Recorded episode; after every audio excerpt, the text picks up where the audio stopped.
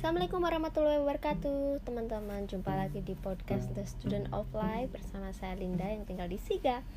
Oke udah lama sekali ya Mungkin agak uh, sedikit vakum juga. Kemarin sempat upload apa namanya podcast Tapi sempat beberapa minggu juga nggak upload lagi gitu kan Karena menyesuaikan dengan jadwal kerja. So untuk kali ini uh, aku akan bahas atau akan share soal budaya tahun baru di Jepang. Nah, karena kebetulan udah ini adalah tahun ke dua, tapi tahun baru ketiga di Jepang aku. Dan sebelumnya emang udah pernah uh, mengalami melewati tahun yang lalu dan uh, tahun baru di Jepang itu kayak gimana sih sebenarnya sama nggak sih kalau kayak di Indonesia gitu kan? Oke. Okay.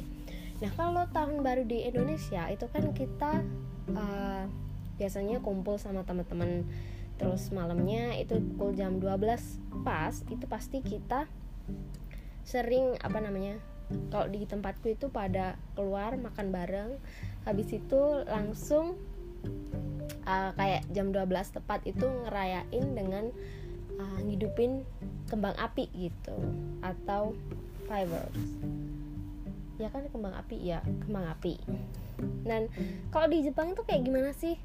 Nah tahun baru perayaan tahun baru atau osogatsu gitu di Jepang biasanya uh, beberapa perusahaan itu meliburkan atau semuanya sih? Semuanya. Jadi libur nasional dari biasanya macam-macam sih tapi setiap perusahaan itu beda gitu.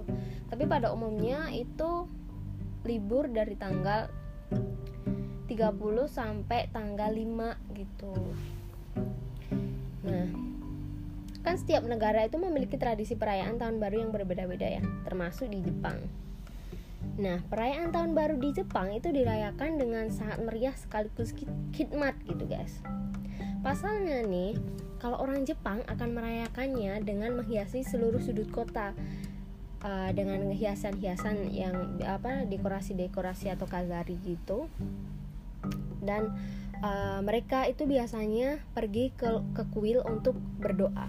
Nah biasanya kalau di tempat kita itu kan kita rame-rame berberan dan uh, nyalain kembang api gitu kan. Kalau di Jepang itu beda. Mereka kayak lebih berdoa. Malahan di sini tuh sepi kalau tapi kalau di Tokyo mungkin itu agak rame ya karena Tokyo Tokyo kan ibu kotanya uh, the capital nya dari Jepang ya. Mungkin sana rame kalau malam.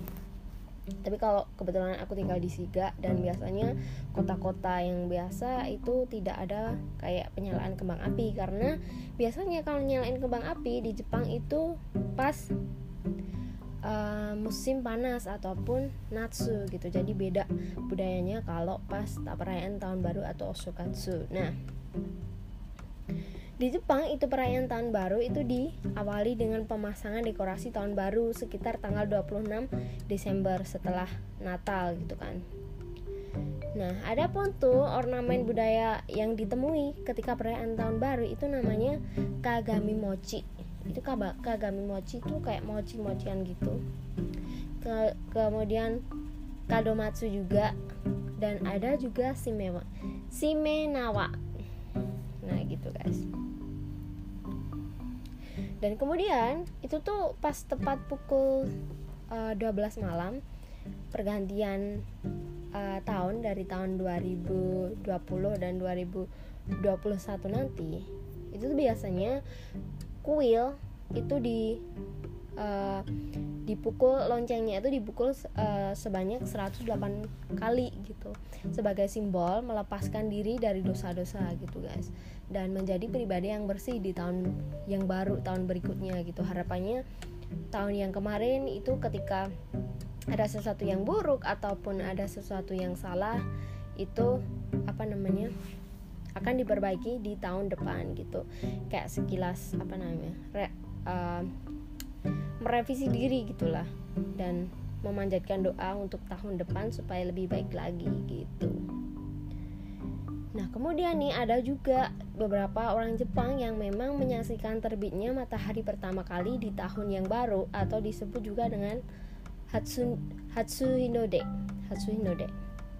nah dengan begitu nih tidak heran ketika uh, tahun baru banyak orang Jepang yang mengunjungi pantai ataupun gunung untuk melakukan Hatsusinode dan memanjatkan doa.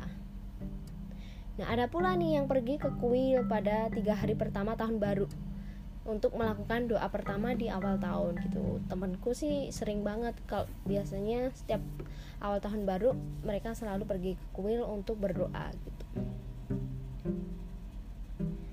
Kalau sekarang kan karena ada corona jadi mungkin apa kemarin sih temanku bilang kalau agak untuk ngensel tahun ini nggak ke kuil dulu. Karena memang ya dari apa pemerintahnya Jepang sendiri kayak menghimbau uh, masyarakatnya untuk tetap stay home aja. Karena pada saat ini kan COVID-19 baru uh, tinggi-tingginya nih apa namanya kasus positifnya gitu.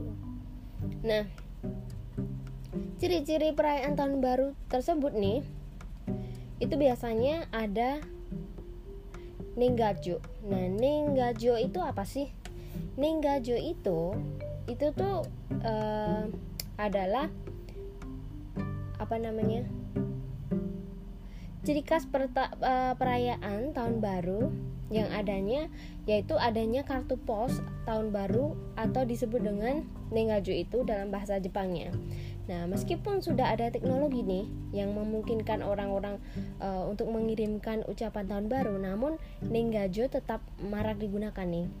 Jadi kalau biasanya kalau di Indonesia kan kita sering nih untuk ngirim ucapan tahun baru atau selamat Idul Fitri atau apa pun itu biasanya kita cuma lewat uh, telepon aja atau via SMS atau WhatsApp line gitu kan. Tapi kalau di Jepang itu karena uh, orang Jepang masih sangat uh, ini ya apa namanya teknologi di sini sangat berkembang tapi mereka juga tetap memanfaatkan fasilitas fasilitas-fasilitas yang ada gitu kak untuk pengiriman surat di sini juga masih sangat sering gitu bahkan setiap kantor setiap apa pun itu pokoknya dengan urusan-urusan yang simple itu mereka menggunakan pos untuk mengirim surat dan lain sebagainya itu guys jadi biasanya orang-orang Jepang itu mengirimkan ninggajo atau surat uh, ucapan tahun baru ke teman-teman dekat mereka atau kolega mereka gitu. Nah, kemudian kalau tahun baru di Jepang itu biasanya kita temui kazarimono. Kazarimono atau dekorasi apa namanya? barang-barang dekorasi gitu untuk dekorasi tahun baru gitu. Nah, biasanya nih kazarimono atau dekorasi tersebut tuh dipasang di berbagai tempat, mulai di rumah, toko maupun sudut-sudut jalan perkotaan. Nah, salah satu benda yang paling sering dipajang yaitu kadomatsu atau potongan bambu yang dihias e, dengan bunga dan juga daun cemara gitu. Mungkin kalian bisa Google ya gimana bentuknya gitu kan. Kok kadomatsunya itu kayak gimana? Kalian kalau penasaran ya itu biasanya dipasang berpasangan gitu dari di, ada di sisi kanan dan sisi kiri pintu gitu pintu masuk nah kenapa dipasang itu dan apa sih arti uh, simbol tersebut itu melambangkan apa sih jadi kadomatsu itu itu tuh melambangkan ungkapan selamat datang bagi dewa pembawa keselamatan seluruh penghuni rumah gitu. Ada pula nih Shimenawa yaitu Shimenawa tuh jerami yang dijalin dan dihias dengan bunga-bunga gitu guys. Nah adanya Kazarimono ini akan menambah semarak uh, tahun baru di Jepang dan berisi doa serta harapan yang baik di tahun uh, baru selanjutnya gitu sebenarnya bagus sekali sih. Apa namanya? Aku belajar sih. Maksudnya dari tahun baru di Jepang itu mereka lebih khidmat tenang gitu. Lebih me, apa namanya? Kayak evaluasi diri gitu. Jadi kayak semacam masukan sendiri sih buat aku pribadi gitu. Sejak aku tinggal di Jepang itu sering banget untuk evaluasi diri setiap tahun gitu. Jadi setiap akhir tahun uh, itu tuh selalu evaluasi diri. Maksudnya tahun yang tahun ini tuh apa sih target yang belum kecapai gitu? Dan apa sih yang salah di diri kita gitu? Jadi dari planning yang kita tulis di tahun lalu itu dikoreksi lagi nih. Apa yang udah kecapai dan apa yang belum dan apa kegagalan-kegagalan kegagalan-kegagalan apa yang kita capai uh, yang kita alami waktu tahun ini gitu. Jadi kita bisa istilahnya mengreview diri sendiri gitu apa yang perlu diperbaiki gitu untuk tahun depannya itu bakalan kayak gimana kita gitu. Apakah kita akan improve diri kita untuk jadi lebih baik sendiri atau bagaimana gitu. Tapi biasanya aku di akhir tahun itu nge-review diri sama nulis planning-planning di tahun untuk tahun-tahun untuk tahun selanjutnya gitu. Karena memang aku pribadi orang yang nggak bisa jalan kalau nggak ada rencana gitu. Maksudnya kalau nggak ada rencana itu kayak uh, kurang mantap gitu. Jadi kalau nggak di breakdown tuh agak susah untuk jalan gitu. Jadi harus ada uh, itu planning gitu untuk ke depannya supaya lebih jelas gitu. Nah lanjut lagi balik tadi ke budaya tahun baru di Jepang Nah, selanjutnya itu ada Hatsuri. Nah, Hatsuri itu itu tuh adalah hari jualan pertama yang biasanya diselenggarakan pada tanggal 2 Januari dan pada saat itulah seluruh toko toko di Jepang itu memberikan diskon besar-besaran. Atau biasanya itu ada juga disebut Fukubukuro. Jadi Fukubukuro itu kayak uh, apa yang namanya jelasinnya itu kayak biasanya toko-toko misalnya Jiu atau Uniqlo itu ngejual ba ngejual barang barang mereka dimasukin ke dalam fukuro. Kuro itu adalah uh, plastik kresek plastik gitu atau ya paper bag gitulah pokoknya. Dimasukin di situ tapi pembeli itu nggak tahu di dalam situ tuh ada apa aja gitu. Jadi kayak semacam apa ya kayak undian gitulah. Pokoknya beli segitu beli satu kresek itu yang ada di dalam itu misal dihargain uh, 5000 yen atau uh, 500 ribu gitu. Jadi pembeli nggak tahu di dalam itu ada apa gitu. Kayak semacam gift gitulah. Tapi biasanya untung-untungan juga gitu. Tapi seru juga sih. Karena hitungannya jadi murah gitu. Cuman ya pembeli nggak tahu yang di dalam itu ada apa aja gitu. Kayak acak gitu aja Nah biasanya nih kalau di Hatsuri itu atau hari pertama toko buka itu tuh karena ada banyak sel. Jadi banyak customer yang mereka tuh antri panjang banget sampai ya sesak gitu gitu. Di kota-kota besar biasanya kayak gitu. Kalau di tempatku sih karena tempatku inaka jadi nggak ada apa-apa ya. Ada cuma kayak Seven Eleven nih waduh gitu aja.